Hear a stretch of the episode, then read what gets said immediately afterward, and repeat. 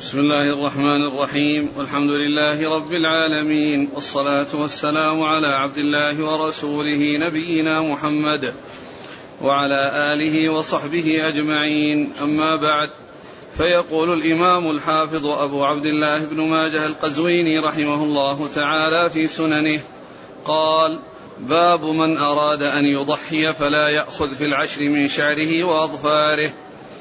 قال حدثنا هارون بن عبد الله الحمال قال حدثنا سفيان بن عيينة عن عبد الرحمن بن حميد بن عبد الرحمن بن عوف عن سعيد بن المسيب عن أم سلمة رضي الله عنها أن النبي صلى الله عليه وسلم قال إذا دخل العشر وأراد أحدكم أن يضحي فلا يمس من شعره ولا بشره شيئا. بسم الله الرحمن الرحيم. الحمد لله رب العالمين وصلى الله وسلم وبارك على عبده ورسوله نبينا محمد وعلى آله وأصحابه أجمعين. أما بعد يقول الإمام ماجه رحمه الله باب إذا من أراد أن يضحي فلا يأخذ في العشر من بشرته من, من بشرته وأظفاره فلا يمس من شعره ولا بشره فلا يمس من شعره ولا فلا يمس من شعره وأظفاره المقصود من هذه الترجمة أن الإنسان الذي أراد أن يضحي فإنه إذا دخلت العشر الأول إذا دخلت عشر ذي الحجة فإنه يمسك عن الأخذ من شعره وأظفاره.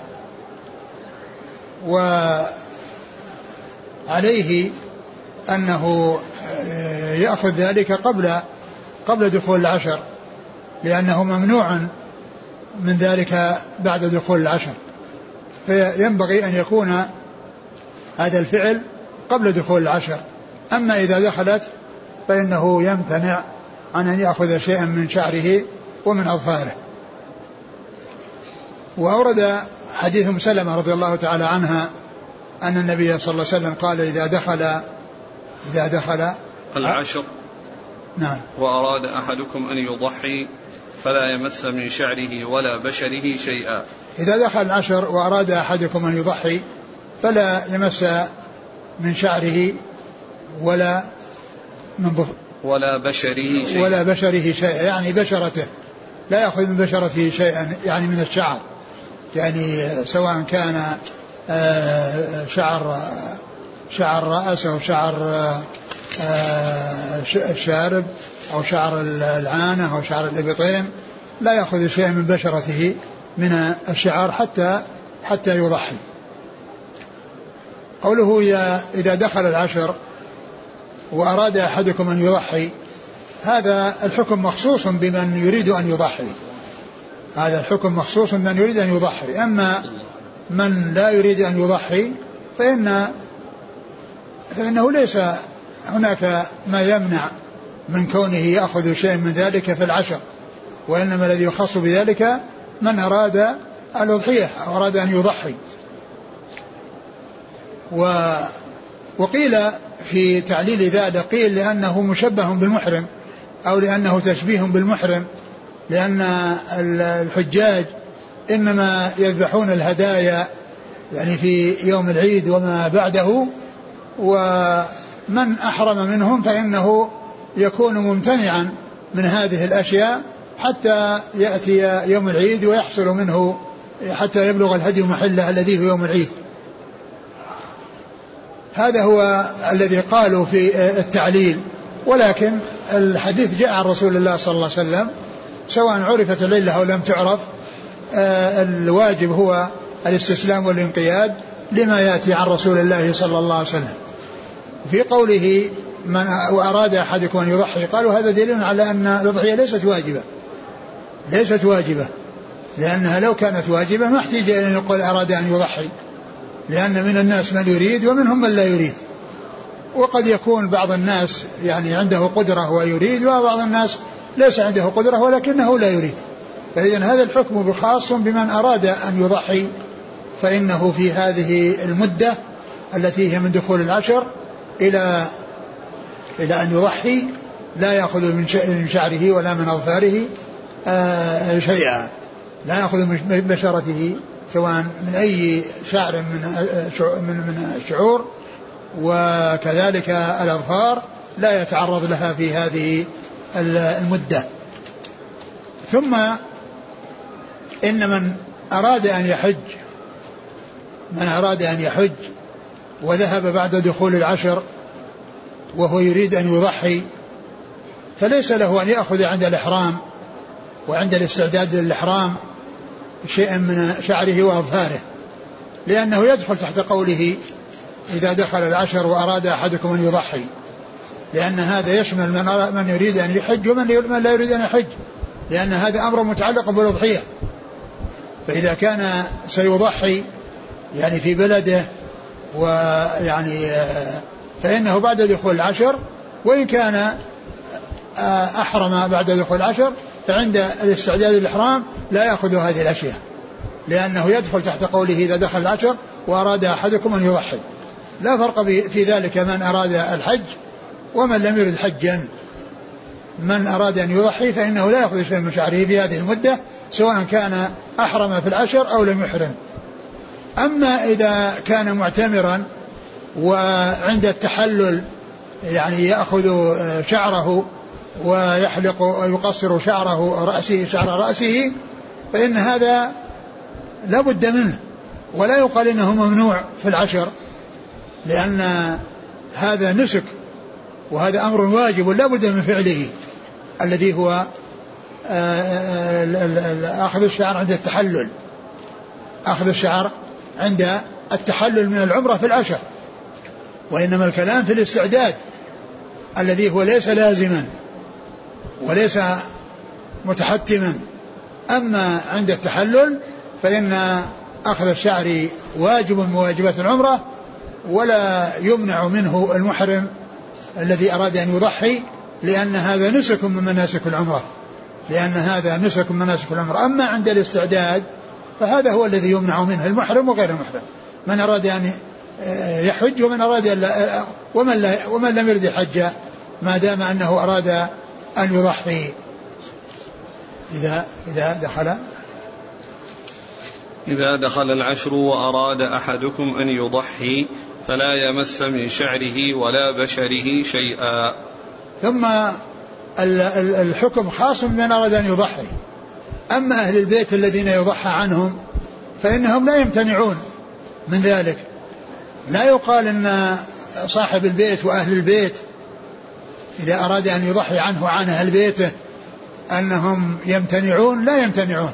أهل البيت الذين يضحى عنهم لا يمتنعون وإنما المضحي هو الذي يمتنع. وكذلك من كان وكيلا في ذبح أضحية ليس مضحيا وإنما هو وكيل هذا لا يمنع.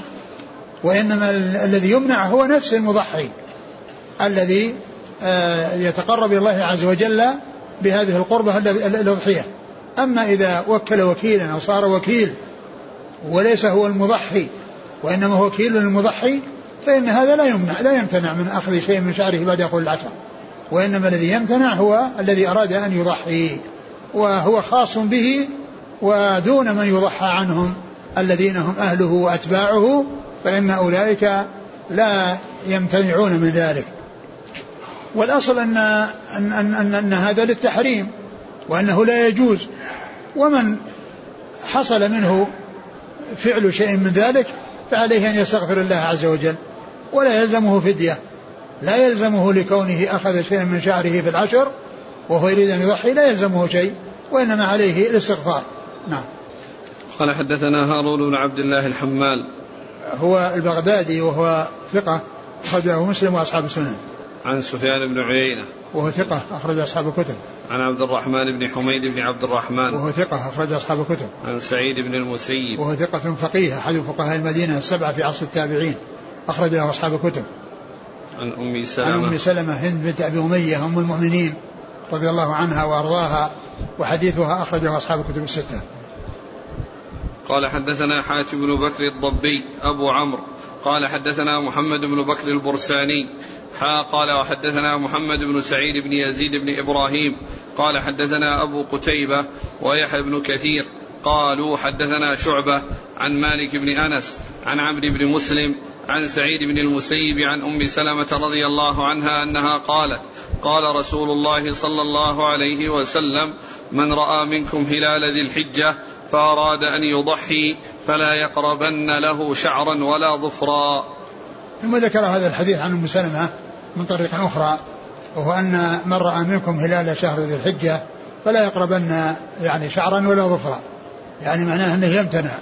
إذا كان أن اراد أن يضحي. من رأى شهر ذي الحجة يعني إنه إذا ثبت إذا ثبت دخول الشهر فإن الإنسان يمتنع من أن يأخذ من شعره ومن أظفاره شيئا.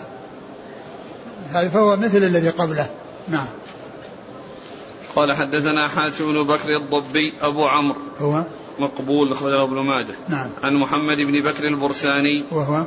صدوق قد يخطئ أخرجه نعم. أصحاب الكتب. نعم. ها قال وحدثنا محمد بن سعيد بن يزيد. هو؟ مقبول أخرجه ابن ماجه. نعم. عن أبي قتيبة. هو سلم بن قتيبة. أبو قتيبة سلم بن قتيبة وهو ثقة؟ صدوق. صدوق أخرجه البخاري وأصحاب السنة. ويحيى بن كثير. يحيى بن كثير العنبري وهو؟ ثقة أصحاب الكتب. نعم. عن شعبة عن مالك. شعبة بن الحجاج ثقة أخرج أصحاب الكتب ومالك بن أنس إمام دار الهجرة المحدث الفقيه أحد أصحاب المذاهب الأربعة المشهورة من مذاهب أهل السنة وحديثه أخرجه أصحاب الكتب الستة. عن عمرو بن مسلم. وهو؟ صدوق ومسلم وأصحاب السنن. نعم. عن سعيد بن المسيب عن أم سلمة. نعم. قال رحمه الله تعالى باب النهي عن ذبح الأضحية قبل الصلاة. قال حدثنا عثمان بن أبي شيبة قال حدثنا إسماعيل بن علية عن أيوب عن محمد بن سيرين عن أنس بن مالك رضي الله عنه أن رجلا ذبح يوم النحر يعني قبل الصلاة فأمره النبي صلى الله عليه وسلم أن يعيد. ثم ذكر باب باب النهي. عن ذبح الأضحية قبل الصلاة. باب النهي عن ذبح الأضحية قبل الصلاة. ال ال ال الوقت الذي يحل به أو يبدأ به ذبح الأضاحي الانتهاء من الصلاة. إذا انتهي من صلاة العيد وفرغ من صلاة العيد فإن فإن عند ذلك يبدأ وقت الذبح. فلا يذبح قبل الصلاة. لا يذبح الإنسان الأضحية ثم يذهب إلى الصلاة لأنه لو فعل ذلك فإن شاته شاة لحم. يعني ليست أضحية ولا تعتبر أضحية لأنها آه، أتي بها في غير وقتها وفي غير زمنها. فأورد هذا الحديث عن أنس رضي الله عنه أن النبي صلى الله عليه وسلم قال أن عن أنس أن رجلا ذبح يوم النحر يعني قبل الصلاة فأمره النبي صلى الله عليه وسلم أن يعيد. أن أن رجلا أنس أن رجلا ذبح يعني الأضحية قبل الصلاة فأمره النبي صلى الله عليه وسلم بالإعادة يعني أنها لم تعتبر وأنها لم تعتبر أضحية لأنها أتي بها في غير محلها وهذا يدلنا على أنه لا يجوز الذبح قبل الصلاة وإنما يكون بعد الصلاة. ولهذا يقول الفقهاء وقد ورد في ذلك حديث فيه مقال إن إن صلاة الأضحى تعجل وأن صلاة الفطر تؤخر. يعني قليلا قالوا تعجل ليتسع للناس وقت الذبح وتلك تؤخر ليتسع للناس وقت إخراج الفطرة زكاة الفطر لأن أفضل أوقاتها يوم العيد قبل الصلاة. فقالوا يعني أنه يستحب تعجيل صلاة صلاة العيد يوم يوم النحر يعني في يعني أول الوقت من أجل أنه يتسع للناس وقت الذبح. لأن الذبح يبدأ بعد الصلاة. وأما الأفضل الوقت الذي هو أفضل الأوقات لإخراج زكاة الفطر يوم العيد قبل الصلاة. يوم العيد قبل الصلاة. فإذا أخرت الصلاة يوم العيد يوم النحر يوم الفطر أمكن إخراج الفطرة في الوقت المفضل. وإذا قدم قدم صلاة العيد يوم النحر كان في ذلك اتساع لوقت آه، آه، الذبح. فأمره صلى الله عليه وسلم بالإعادة. أمره صلى الله عليه وسلم بالإعادة فدل هذا على أنها لا تجزئ ولا تصح الذبيحة قبل الصلاة وإنما على كل من أراد أن يضحي ألا يحصل منه ضحية إلا بعد الصلاة. نعم. قال حدثنا عثمان بن أبي شيبة. وهو ثقة أخرج له أصحاب الكتب إلا الترمذي وإلا النسائي ففي عمل اليوم والليلة. عن إسماعيل بن علية وهو إسماعيل بن إبراهيم بن مقسم الأسدي آه ثقة أخرج أصحاب الكتب.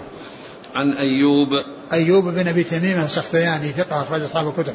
عن محمد بن سيرين وهو ثقة أخرج أصحاب الكتب. عن أنس بن مالك رضي الله عنه خادم رسول الله صلى الله عليه وسلم وأحد السبعة المكثرين من حديثه.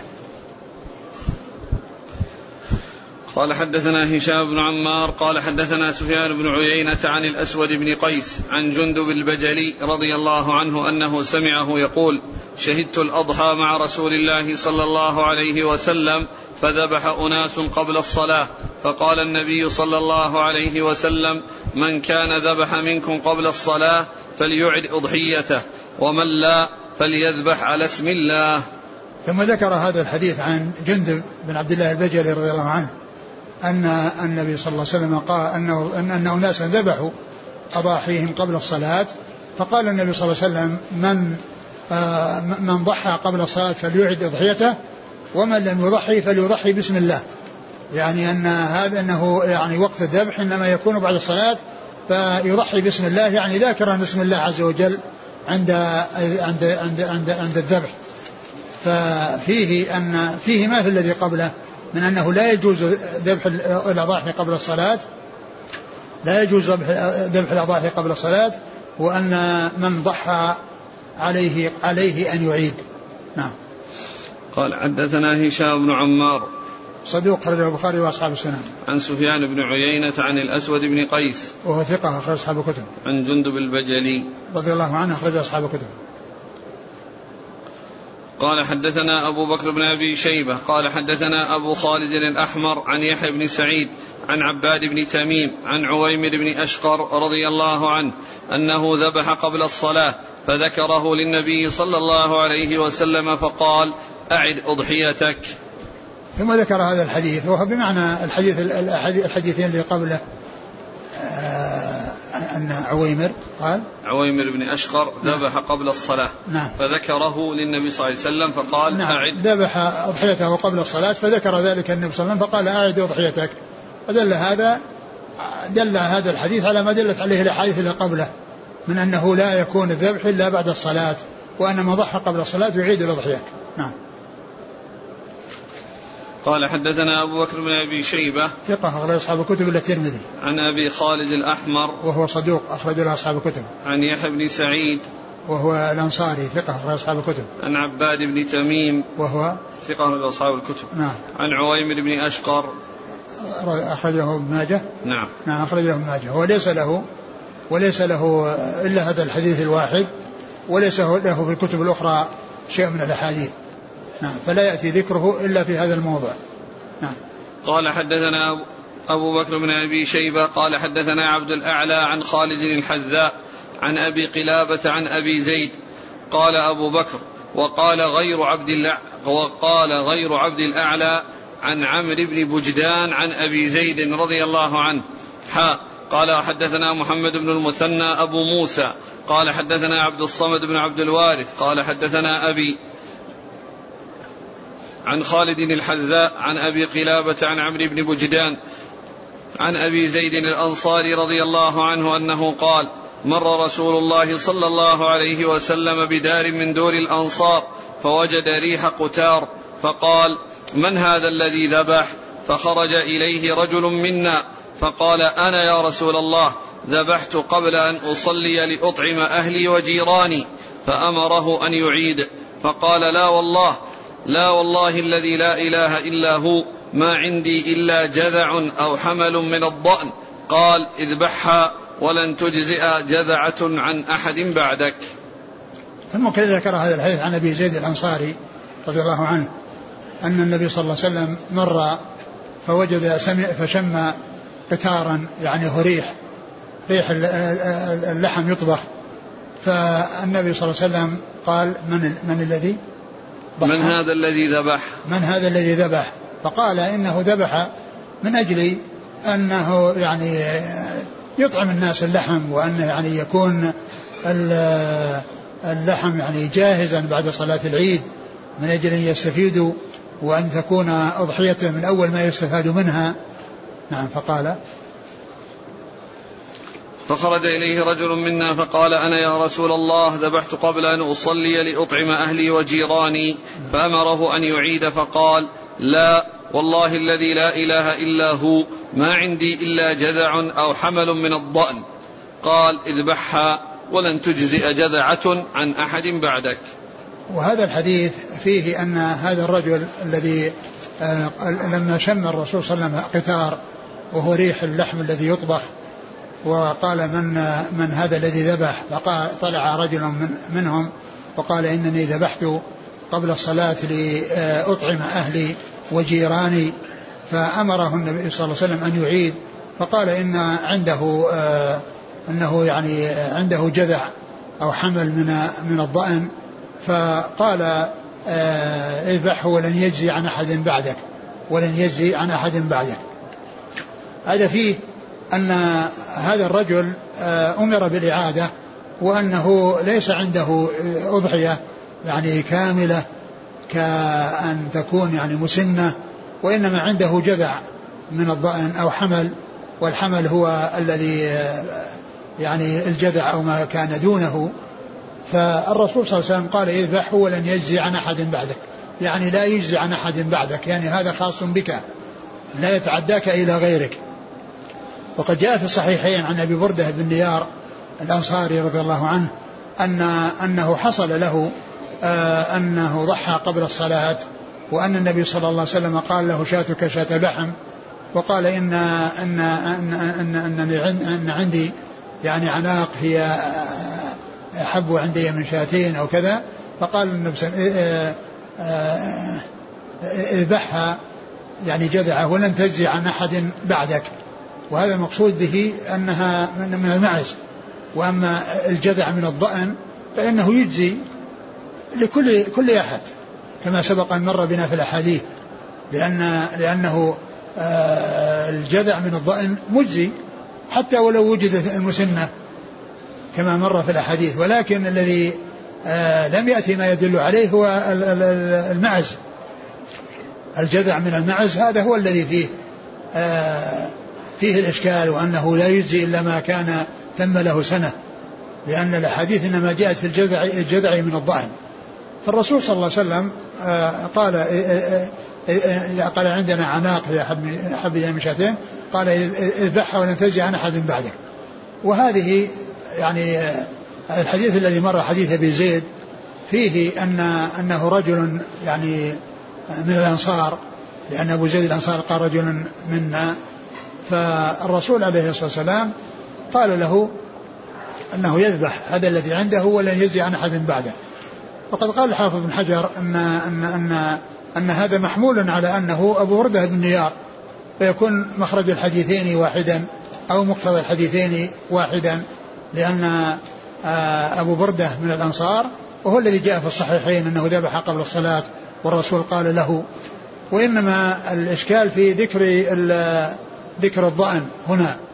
والضأن معلوم أنه يعني يجزي من غير يعني من ولو كان أنه عنده يعني آه، شيئة كبيرة أو من المعز ما يعني ما كان مسنا فإن ذلك سائغ. ففي ذلك إشكال ولكن الإسناد فيه ضعف. من جهة أن أبا قلابة لم يسمع من أبي زيد ومن جهة أن الطريقة الثانية فيها عمرو بن مجدان وهو مجهول والطريقة الثالثة فيها الواسطة بين أبي قلابة وبين أبي زيد عمرو بن بجدان وهو مجهول.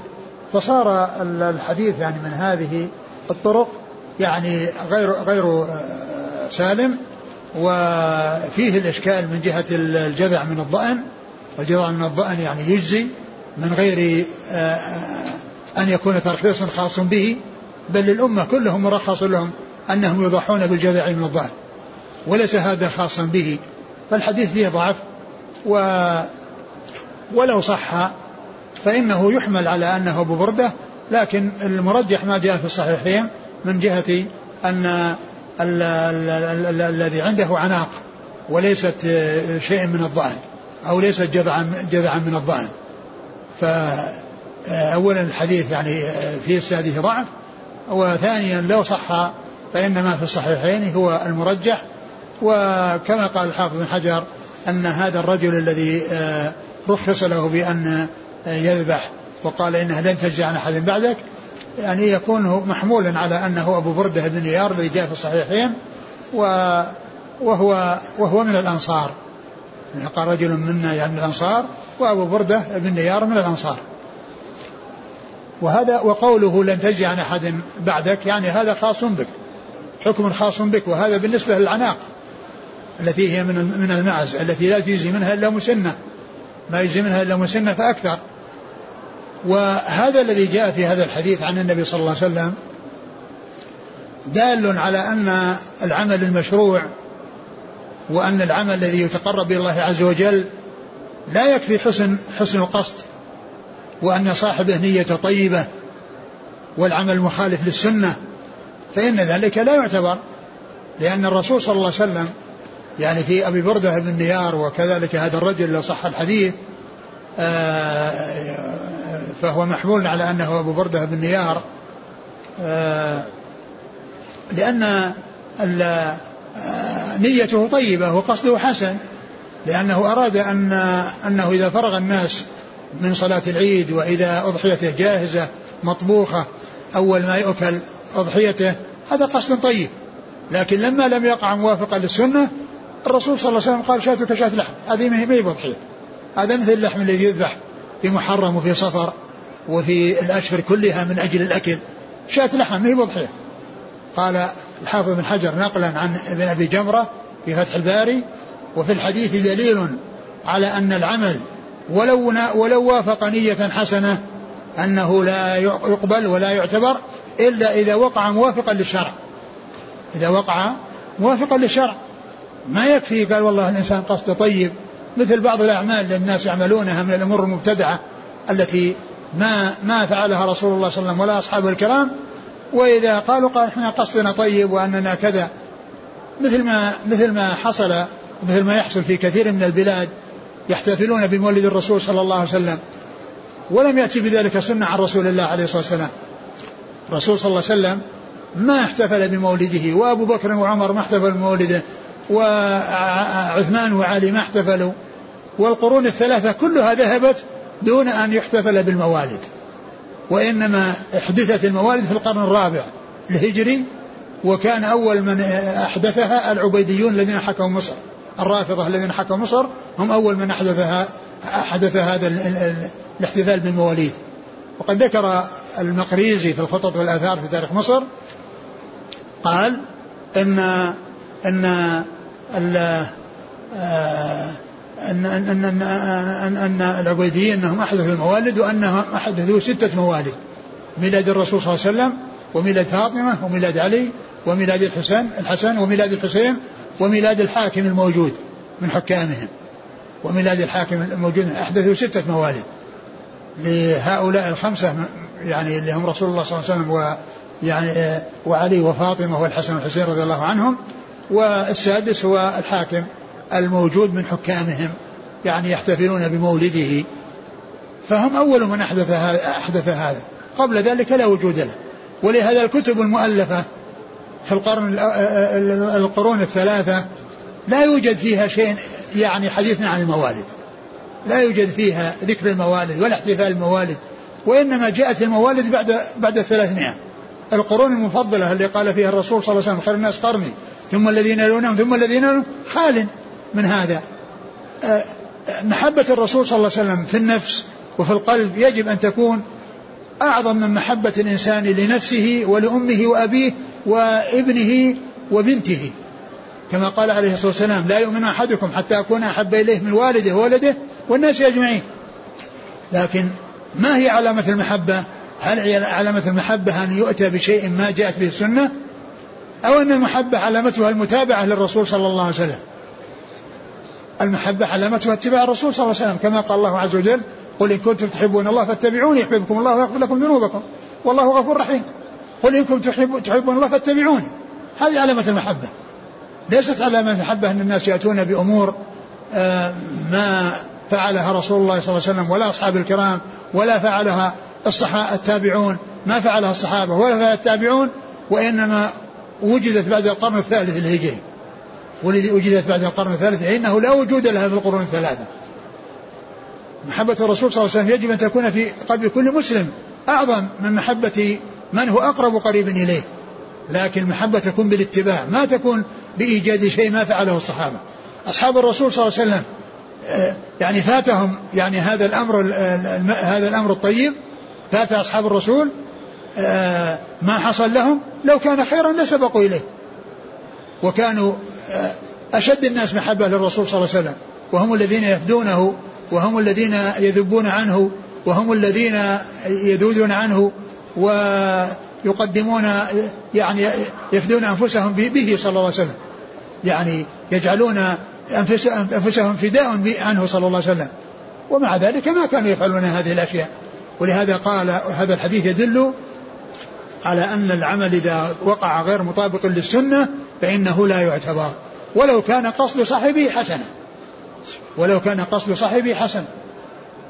هذا هذا هذا هذا الاستنباط لهذه لهذه المسألة.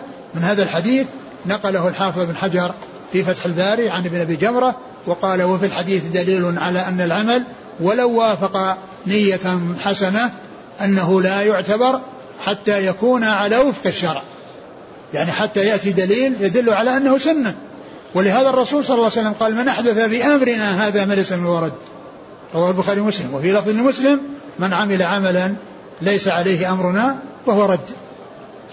ومما يدل على ذلك أيضا أن عبد الله بن مسعود رضي الله عنه صاحب رسول الله صلى الله عليه وسلم آه، جاء إلى المسجد وإذا الناس متجمعون في حلق وإذا كل حلقة فيها مجموعة وبأيديهم حصى وفيهم واحد يقول سبحوا مئة هللوا مئة كبروا مئة. فإذا قال سبحوا مئة سكتوا يعدون سبحان الله سبحان الله سبحان الله حتى يغلقوا مئة في الحصى. فإذا فرغوا قال هللوا مئة لا إله إلا الله. إذا فرض تكبروا مئة. فوقف على رؤوسهم عبد الله مسعود صاحب رسول الله صلى الله عليه وسلم. قال ما هذا يا هؤلاء؟ يا ما هذا؟ يا قالوا حصن عد به التسبيح قال عدوا سيئاتكم فأنا ضامن لا ألا يضيع من حسناتكم شيء. إما أن تكونوا على طريقة أهدى مما كان عليه أصحاب الرسول صلى الله عليه وسلم أو أنكم مفتتحوا باب ضلالة. واحدة من دنتين أما أنكم أحسن من الصحابة أو أنكم مفتتحوا باب ضلالة. فهموا طبعا أن الأولى يعني لا مجال فيها ما يمكن يكون أحسن من الصحابة. بقيت الثانية وهي أنهم مفتتحوا بضلال قالوا سبحان الله يا أبا عبد الرحمن ما أردنا إلا الخير. يعني نيتنا طيبة نريد الخير. قال وكم من مريد للخير لم يصبه. وكم من مريد للخير لم يصبه. يعني هذا الأثر عن ابن مسعود أخرجه الدارمي يعني في سننه وهو وهو وهو بسند صحيح أو حسن. المهم أنه ثابت هذا الأثر عن عبد الله بن مسعود. وهذا يدلنا على أن الاتباع هو الذي فيه السلامة. كل خير في اتباع من سلف وكل شر في ابتداع من خلف. فيعني هذا الحديث يدل على هذا المعنى الذي هو آه أن الأعمال آه التي يتقرب بها الله عز وجل لا بد فيها مع حسن القصد من موافقة السنة. ما يكفي حسن القصد بموافقة السنة. لا يكفي حسن القصد مع مخالفة السنة بل لا بد أن يكون مع حسن القصد اتباع السنة وموافقة السنة نعم. قال حدثنا أبو بكر بن أبي شيبة عن عبد الأعلى. عبد الأعلى بن عبد بن عبد الأعلى ثقة أخرج أصحاب الكتب. عن خالد الحذاء. خالد بن مهران الحذاء وهو ثقة أخرج أصحاب الكتب. عن أبي قلابة. وهو عبد الله بن زيد الجرمي ثقة أخرج أصحاب الكتب. عن أبي زيد. عن أبي زيد الأنصاري رضي الله عنه أخرج له. مسلم وأصحاب السنن نعم. قال أبو بكر وقال غير عبد الأعلى عن عمرو بن بجدان. قال أبو بكر وقال غير أبي قلابة. عبد الأعلى. وقال وقال غير عبد الأعلى. وقال غير عبد الأعلى يعني أنه طريق آخر. عمرو بن بجدان بدل أبي يعلى أبي قلابة. وقال وقال غير عبد الأعلى. عن عمرو بن بجدان عن عمرو بن بجدان يعني بدل أبي قلابة. عمرو بن بجدان مجهول. أخرج له. أصحاب السنن. نعم. عن أبي زيد. حا قال وحدثنا محمد بن المثنى أبو موسى. وهذا أبو موسى الزمن. هو العنزي وهو ثقة أخرج أصحاب الكتب وهو شيخ لأصحاب الكتب. عن عبد الصمد بن عبد الوارث. وهو صدوق صدوق أخرج أصحاب الكتب. عن أبيه. عبد عبد الوارث بن سعيد العنبري ثقة أخرج أصحاب الكتب. عن خالد الحذاء عن أبي قلابة عن عمرو بن بجدان عن أبي زيد الأنصاري. نعم. يعني فيه الانقطاع بين أبي قلابة يعني وبين أبي زيد وفيه عمرو بن الطريقين الأخرين فيهم عمرو بن عمرو بن بجدان وهو مجهول نعم. قال رحمه الله تعالى باب من ذبح أضحيته بيده. قال حدثنا محمد بن بشار قال حدثنا محمد بن جعفر قال حدثنا شعبة قال سمعت قتادة يحدث عن أنس بن مالك قال وقد رأيت رسول الله صلى الله عليه وسلم يذبح أضحيته بيده واضعا قدمه على صفاحها. ثم ذكر حديث أنس باب باب من ذبح بيده من ذبح أضحيته بيده. من ذبح أضحيته بيده. لأن الإنسان يذبح أضحيته بيده لكن يمكن أن ينيب غيره في ذبحها. والرسول صلى الله عليه وسلم باشر الذبح بنفسه صلى الله عليه وسلم كما في حديث أنس الذي ذكره هنا وقد سبق أن مر أنه ضحى بكبشين يملحين أقرنين يعني وضع رجله على صفاحهما و وقال بسم الله والله أكبر. وقال بسم الله والله أكبر. فهنا يعني أورد هذا الحديث هنا أو قطعة من ذلك الحديث هنا من أنه رأى النبي صلى الله عليه وسلم يذبح أضحيته بيده يذبح أضحيته بيده صلى الله عليه وسلم. فهذا يدلنا على أن المضحي الأولى أن يذبح أضحيته بيده كما فعل رسول الله صلى الله عليه وسلم وله أن ينيب غيره. نعم. قال حدثنا محمد بن بشار. هو بن دار ثقة أخرج أصحاب الكتب وهو شيخ لأصحاب الكتب. عن محمد بن جعفر. غندر ثقة أخرج أصحاب الكتب. عن شعبة شعبة بن الحجاج ثقة أخرج أصحاب الكتب. عن قتادة بن دعامة السدوسي البصري ثقة أخرج أصحاب الكتب. عن أنس. نعم.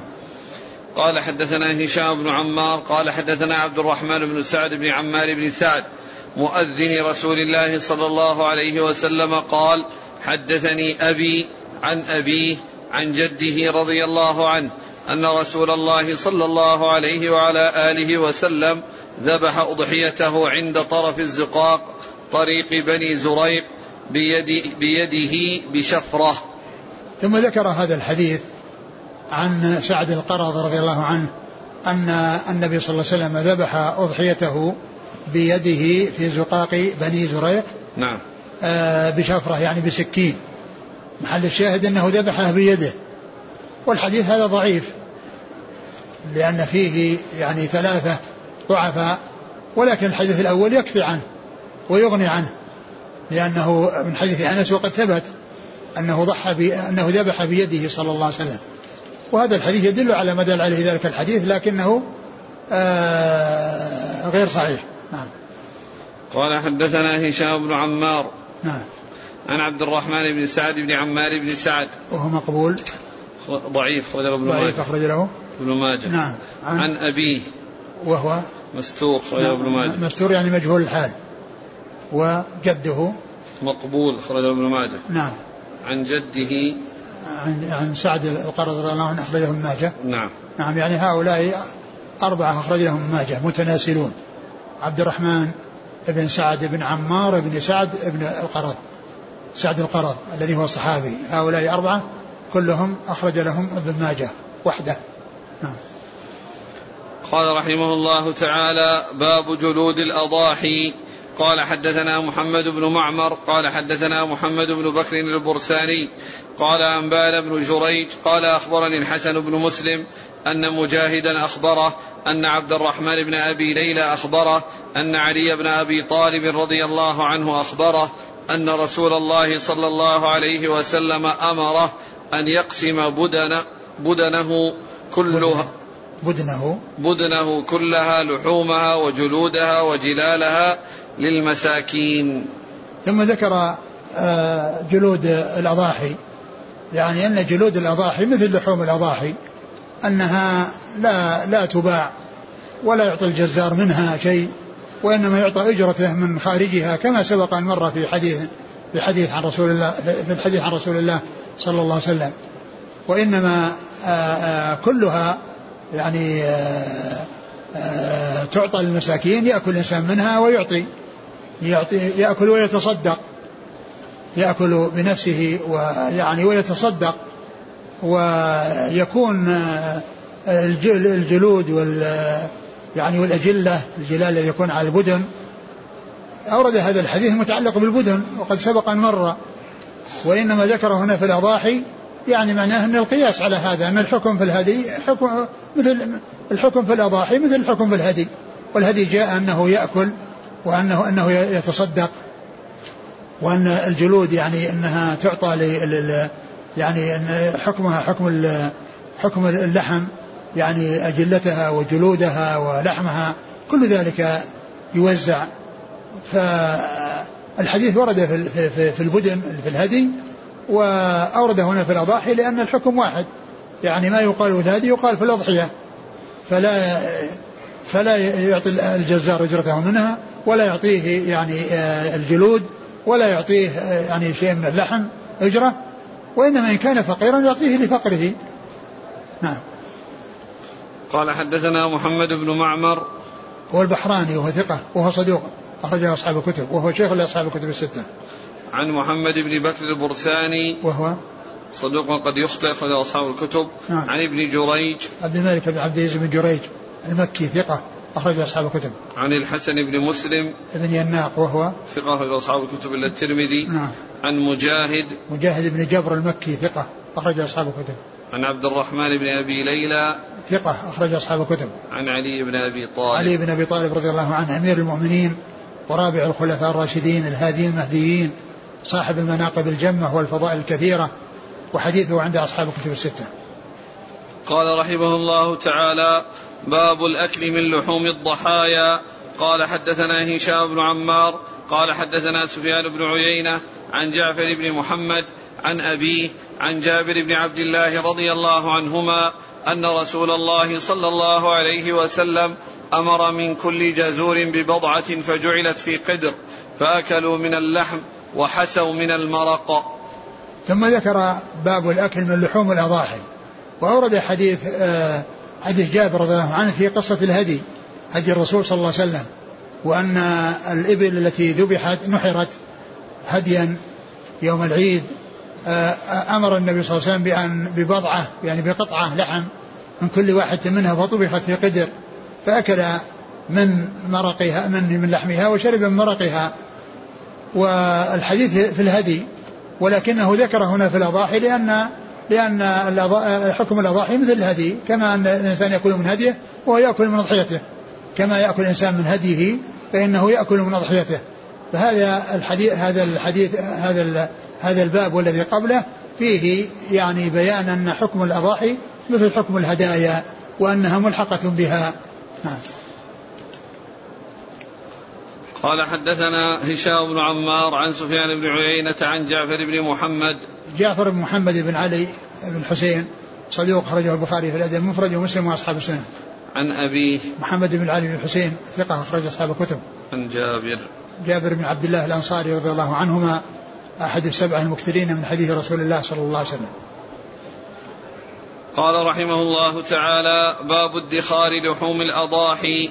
قال حدثنا أبو بكر بن أبي شيبة قال حدثنا وكيع عن سفيان عن عبد الرحمن بن عابس عن أبيه عن عائشة رضي الله عنها أنها قالت إنما نهى رسول الله صلى الله عليه وسلم عن لحوم الأضاحي لجهد الناس ثم رخص فيها. ثم قال باب ادخار لحوم الأضاحي. يعني أن الأضاحي يمكن الإنسان يأكل منها في الوقت ويمكن أن يدخر بعد ذلك ليأكل. يعني يجعله في الثلاجات وقبل ذلك كانوا يقددونه ويجعلونه قديد ويشرقونه ولهذا قيل أيام التشريق لأنه يشرق فيها اللحم ويقطع. فكانوا يعني يقددونه ويملحونه ويبسونه ثم بعد ذلك عند الحاجة يطبخونه ويأكلونه. وأما الآن ففيه التبريد يعني يجعل في الثلاجات ومتى ما شاء الناس أخذوه واستفادوا منه. فالادخار سائغ وجاءت به السنة وقد جاء النهي عن ادخار لحوم الأضاحي فوق ثلاث. وإنما فعل ذلك رسول الله صلى الله عليه وسلم لأنه حصل يعني جهد وشدة وكثير من الفقراء والمساكين بحاجة إلى اللحم وقد جاء ناس من من خارج المدينة يعني الدافة يعني دفوا إلى المدينة من أجل أن يحصلوا شيء من اللحم. فالرسول صلى الله عليه وسلم نهى عن ادخال لحوم الأضاحي آه، آه، فوق ثلاث. يعني معناه أنهم يأكلون في حد ثلاث والباقي يوزعونه ويقسمونه فلا يدخرون لأكثر من ثلاث. نهى عن ادخار لحوم الأضاحي فوق ثلاث. ثم إنه رخص بذلك كما قالت عائشة. ثم إنه رخص بذلك. لأن ذلك المنع إنما كان لعارض ولأمر طارئ. فبعد ذلك بين النبي صلى الله عليه وسلم أن الحكم أنه آه، يعني سائغ للادخار وأن الناس يدخرون ما شاءوا. يعني ليس مقيدا بالثلاث كما كان في الأول لأن التقييد بالثلاث نسخ كما جاء في حديث عائشة وكما جاء في حديث بريدة بن الحصيب رضي الله عنه الذي أخرجه مسلم في صحيحه. ذكر أمورا ثلاثة. ذكر فيها الناسخ والمنسوخ. قال صلى الله عليه وسلم في حديث بريدة كنت نهيتكم عن زيارة القبور فزوروها. كنت نهيتكم عن زيارة القبور فزوروها. ذكر الناسخ والمنسوخ. وكنت نهيتكم عن ادخار لحوم الأضاحي فوق ثلاث ألا فادخروا. وكنت نهيتكم عن الانتباه في أوعية يعني أوعية معينة فادخر فانتبذوا في كل وعاء لكن لا تشربوا مسكرا. لا تشربوا مسكرا يعني لا تدعوه. يعني هذا المنتبذ يعني يبقى حتى يصل إلى حد الإسكار بل انتبذوه في وقت واستفيدوا منه قبل أن يصل إلى أن يكون مسكرا. هذه أمور ثلاثة ذكر فيها الناس والمنسوخ كنت نهيتكم عن زيارة القبور فزوروها وكنت نهيتكم عن ادخار لحوم الضاحي فوق ثلاثة لا فادخروا وكنت نهيتكم عن الانتباه في أوعية فانتبذوا في كل وعاء ولا تشربوا مسكرا. نعم. إنما نهى رسول الله صلى الله عليه وسلم عن لحوم الأضاحي لجهد الناس ثم رخص فيها. نعم لجهد الناس يعني في وقت معين من أجل شدة شدة حصلت ووقعت ثم ذلك رخص فيها. نعم. قال حدثنا أبو بكر بن أبي شيبة عن وكيع. وكيع بن الجراح الرؤاسي ثقة أخرج أصحاب الكتب. عن سفيان سفيان الثوري ثقة أخرج أصحاب الكتب. عن عبد الرحمن بن عابس. وهو ثقة أخرج له. أصحاب الكتب إلا الترمذي. نعم. عن أبيه. عابس بن ربيعة وهو ثقة أصحاب الكتب. نعم. عن عائشة. أم المؤمنين رضي الله عنها وأرضاها الصديقة بنت الصديق. وهي ممن أكثر الرواية عن رسول الله صلى الله عليه وسلم. قال حدثنا أبو بكر بن أبي شيبة. قال حدثنا عبد الأعلى بن عبد الأعلى عن خالد الحذاء عن أبي المليح عن نبيشة رضي الله عنه أن رسول الله صلى الله عليه وسلم قال كنت نهيتكم عن لحوم الأضاحي فوق ثلاثة أيام فكلوا وادخروا. ثم ذكر حديث نبيشة رضي الله عنه وأن النبي صلى الله عليه وسلم قال أنه قال كنت نهيتكم عن ادخار لحوم الأضاحي فوق ثلاث فكلوا وادخروا. يعني أنه نسخ يعني ذلك النهي السابق نسخ بالترخيص لهم. وأن لهم أن يأكلوا ولهم أن يدخروا وليس مقيدا في ثلاث لأن المنسوخ هو الادخار في حدود ثلاث والترخيص إنما هو الادخار المطلق بدون تقييد. آه.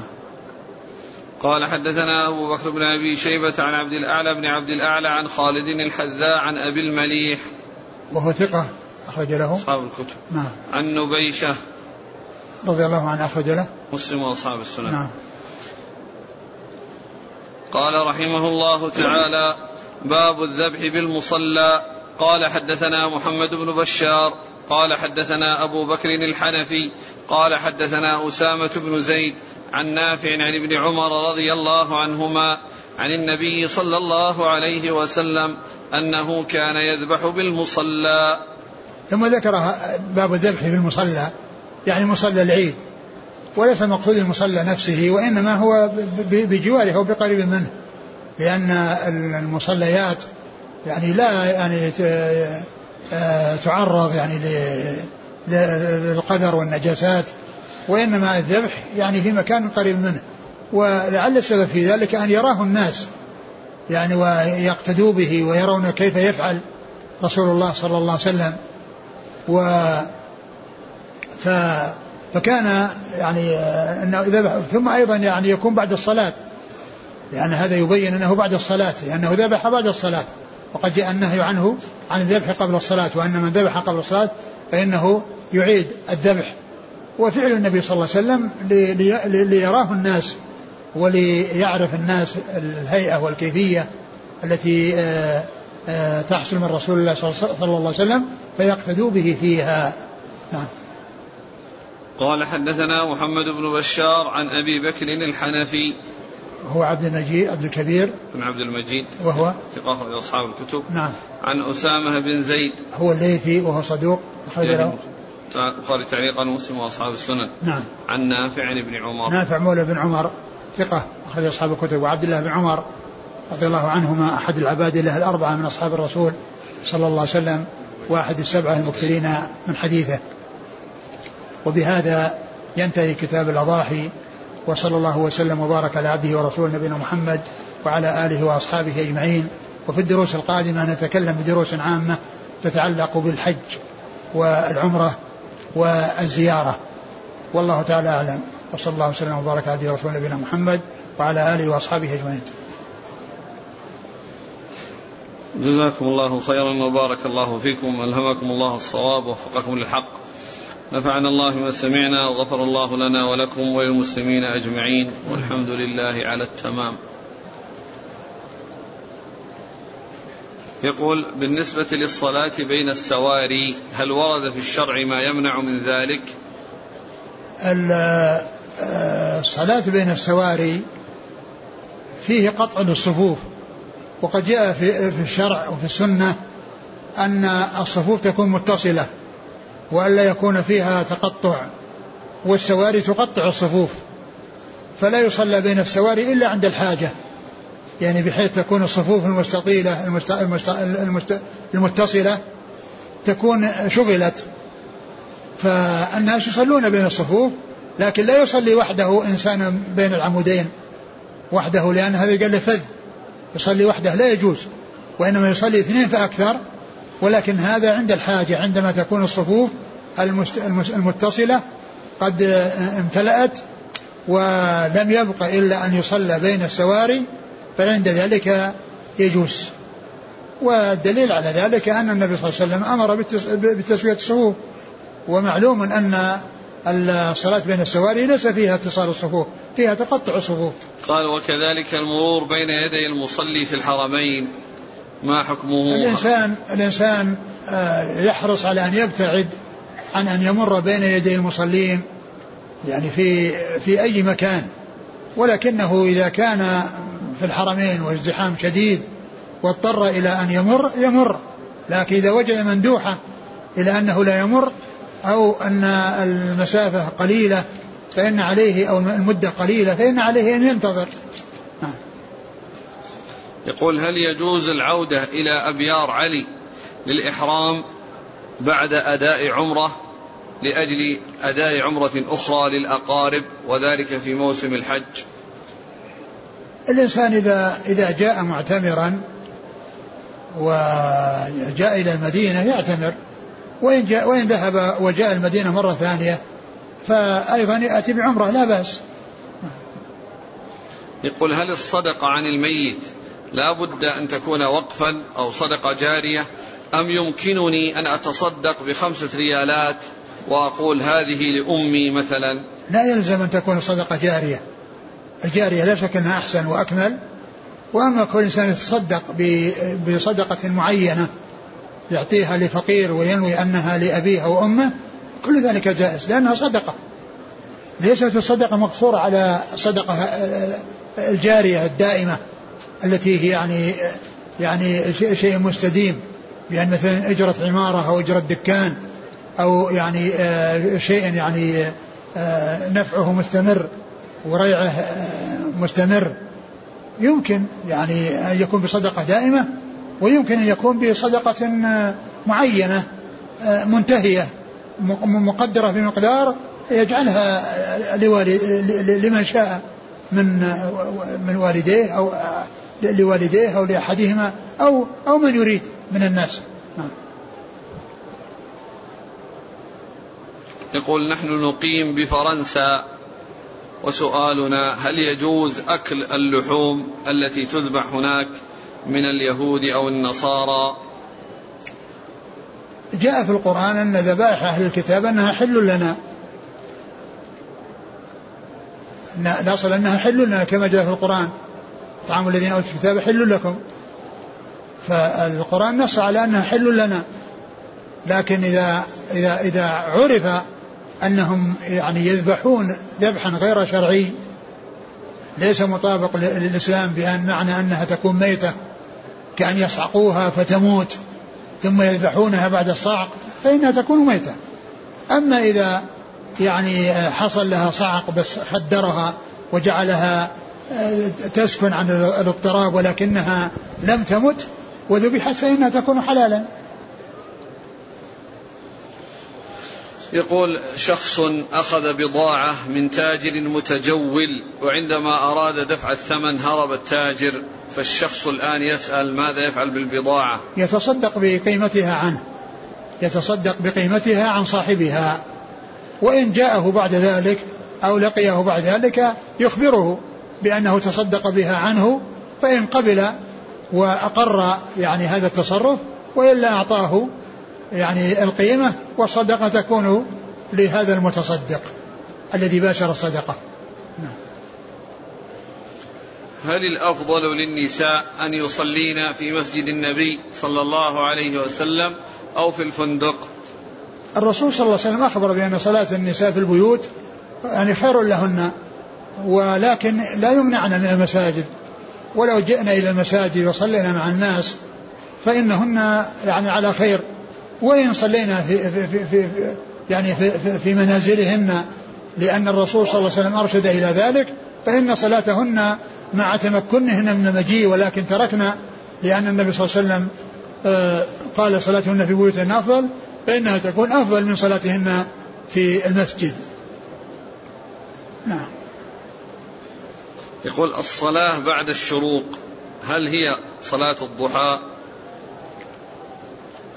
من جلس في مصلاه بعد صلاة الفجر واستمر يعني بيذكر الله عز وجل حتى طلعت الشمس وصلى ركعتين جاء حديث يدل على فضل هذا العمل. وأما صلاة الضحى فإنها سنة وقتها من ارتفاع الشمس قيد الرمح إلى الزوال. لكن الإنسان الذي آه، يصلي الضحى لا يكتفي بكونه يجلس ثم يصلي آه، آه، بعد الإشراق آه، ركعتين ويقول هذه عن عن عن الجلوس بعد صلاة الفجر إلى هذا الوقت وعن صلاة الضحى. الذي ينبغي له أن يأتي بهذه على حدة وهذه على حدة. وأفضل الأوقات صلاة الضحى إذا اشتد إذا اشتد اشتدت الحرارة وفي شدة الرمضاء وهي التي قال فيها الرسول صلى الله عليه وسلم صلاة الأوابين. حين ترمض الفصال؟ يعني الوقت الذي تكون الأرض يعني حارة تؤثر على يعني أولاد الإبل يعني بحرارة آه، الرمضاء فالإنسان لا يكتفي إذا جلس حتى أشرقت الشمس صلى ركعتين يصلي الضحى على على عادته لأن هذه آه، مستقلة وهذه مستقلة. مثل الإنسان الذي يصوم ست مثل الإنسان الذي يصوم ثلاثة أيام من كل شهر ويصوم ست من شوال لأنه جاء صيام ثلاثة أيام من كل شهر وأنه يعدل صيام الدهر وجاء من صام رمضان وأتبعه ستة من شوال كان كصيام الدهر. فالإنسان في شوال ينبغي له أن يصوم ست من شوال ويصوم ثلاثة أيام. يعني هذه مستقلة وهذه مستقلة. ما يصوم ست ويقول ثلاث منها عن آه، ثلاثة أيام من كل شهر. بل يجعل ثلاثة أيام من كل شهر هذه مستقلة وصيام الست مستقلة. ويكون الإنسان بذلك كأنه صام الدهر مرتين. رمضان وأتبعه ستة من شوال كصيام الدهر ومن صام ثلاثة أيام كان كصيام الدهر. ثلاثة أيام من كل شهر كان كصيام الدهر. نعم. يقول فضيلة الشيخ رجل يريد أن يضحي وأخذ من شعره وبشرته وبشرته في اليوم السابع من ذي الحجة وأراد أن يضحي فهل يضحي أم يضحي. لا يمتنع من الأضحية يعني أخذ الشعار هو هو هو الخطأ والغلط. عليه يستغفر الله عز وجل والأضحية يضحي. ما يقال أنها أنه لما أخذ شعر يمتنع من الأضحية وأنه لا يضحي. لا يضحي. ولكنه فعل أمرا لا يجوز. يستغفر الله عز وجل منه. ما حكم لبس النعال وفيها مخيط وهو محرم؟ ما في بأس. لأن لبس النعال وهي مخيطة ما يؤثر. لأن النعال هذا هو لبسها وهي تكون مخيطة في الغالب. وليس الممنوع كون فيها خياطة. كون فيها خياطة. الممنوع يعني يكون الإنسان يعني يلبس الشيء يعني آه مثل ما يكون عليه القميص يعني يلبسه كما يلبس القميص. لكن لو اتزر بالقميص وإن كان مخيطا ما في بأس. لو أن إنسان جاء بالطائرة وأراد أن يحرم ولكن ما معه إزار ورداء فإنه يمكن أنه يعني يخلع ثوبه وإذا كان يستر ما بين الركبة والسرة فإنه يلفه ويجعله ردة هو مخيط ولكنه ما لبس لبس المخيط. أما النعال فإنها لابد أن تكون مخيطة. لابد من خياطتها. وكونها خيطت بخيوط ما يؤثر. والقميص يعني كونه خيط على هيئة معينة لا يلبس على هيئة معينة. لكن لو اتخذه إنسان إزار أو رداء بمعنى أنه ما معه رداء وجعل ثوبه عرضه على كتفيه أو اتزر به وارتدى يعني آه، شيء آخر أو لبس سراويل لأن من لم يجد سرا... من لم يجد خفين يلبس السراويل فيلبس سراويل ويجعل ثوبه رداء له حتى يجد الإزار والرداء. يقول من فعل بعض المحظورات كتغطية الرأس ومس الطيب أو ترك المبيت في منى وفي مزدلفة فهل عليه فديتان؟ أم على حسب المحظور أم فدية واحدة؟ لأن هناك واجبات وهناك محظورات. لأن المبيت في مزدلفة ما قال المحظور هذا واجب من واجبات الحج. هذا واجب. وأما اللبس وحلق الرأس والتطيب هذه محظورات ارتكاب محظورات. فالإنسان إذا إذا ترك المبيت ترك واجبا وعليه فدية شاة. وإذا غطى رأسه متعمدا لحاجة عليه فدية. وإذا احتاج إلى أن يأخذ شعر رأسه يعني لأمر اقتضى ذلك عليه فدية. وإذا احتاج إلى أنه يلبس يعني مخيطا لكونه مضطر لبرد أو يعني شيء يعني اقتضى يعني ذلك. يعني فإنه يعمل فدية. يعني ارتكب محظور متعمدا فيعمل. أما إن فعله ناسيا أو جاهلا ليس عليه شيء لو لبس المخيط جاهلا ليس عليه شيء ولو لبسه ناسيا ليس عليه شيء. وإن من لبسه متعمدا عليه الفدية. وبالنسبة لللبس وأخذ الشعر تقليم الأظفار هذه مخير بين ثلاثة أشياء. آه، ذبح شاة إطعام ستة مساكين لكل مسكين نصف آه، صاع صيام ثلاثة أيام. هذه على التخيير. وهناك فرق بين الواجبات ومحظورات الإحرام لأن المبيت في مزدلفة ورمي الجمار والحلقة والتقصير هذه واجبات. من تركها عليه فدية عليه شاة وأما من ارتكب محظورا كان غطى رأسه أو لبس مخيطا أو تطيب متعمدا أو قلم أظفاره فهذه يعني يكون فيها إذا كان جاهل ليس عليه شيء أو ناسيا ليس عليه شيء وإن كان متعمدا فعليه فدية وهي التخيير بين الأمور الثلاثة التي هي ذبح شاة أو إطعام ستة مساكين لكل مسكين نصف صاع أو صيام ثلاثة أيام. يقول حديث لن تضلوا بعدي كتاب الله وعترتي.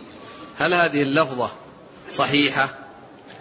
أنا ما أتذكر لكن يعني الذي ورد يعني كتاب الله وسنتي كتاب الله وسنتي لكنه ورد حديث آخر في الوصية بالكتاب ووصية بأهل بيته. وذلك في حديث أن يذكركم الله أهل بيتي هذا حديث صحيح.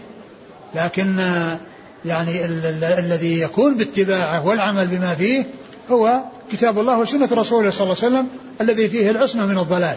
لأن كتاب الله وسنة رسوله صلى الله عليه وسلم هو الذي فيه العصمة من الضلال. يقول هل يجوز للمحرم أن يقدم السعي على الطواف؟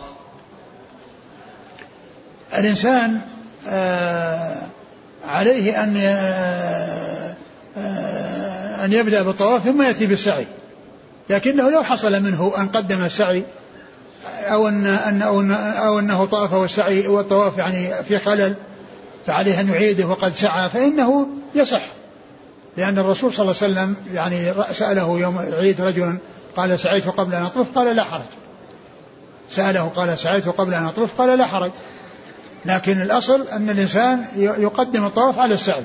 ولو أن الإنسان طاف ولكنه تبين أنه على غير وضوء أو أنه طاف من داخل الحجر فلم يطف من الكعبة كلها طوافه غير صحيح. فإذا كان سعى سعيه صحيح. وقد تقدم السعي وعليه أن يعيد الطواف. يقول فضيلة الشيخ نأمل منكم بيان القبض قبض اليدين في الصلاة حيث كثير من حجاج أهل المغرب يسدلون أثناء الصلاة. الرسول صلى الله عليه وسلم جاء عنه يعني في السنة ثابتة عن رسول الله صلى الله عليه وسلم أنه يعني آه، آه، يقبض اليد اليسرى باليمنى ويجعلها على صدره.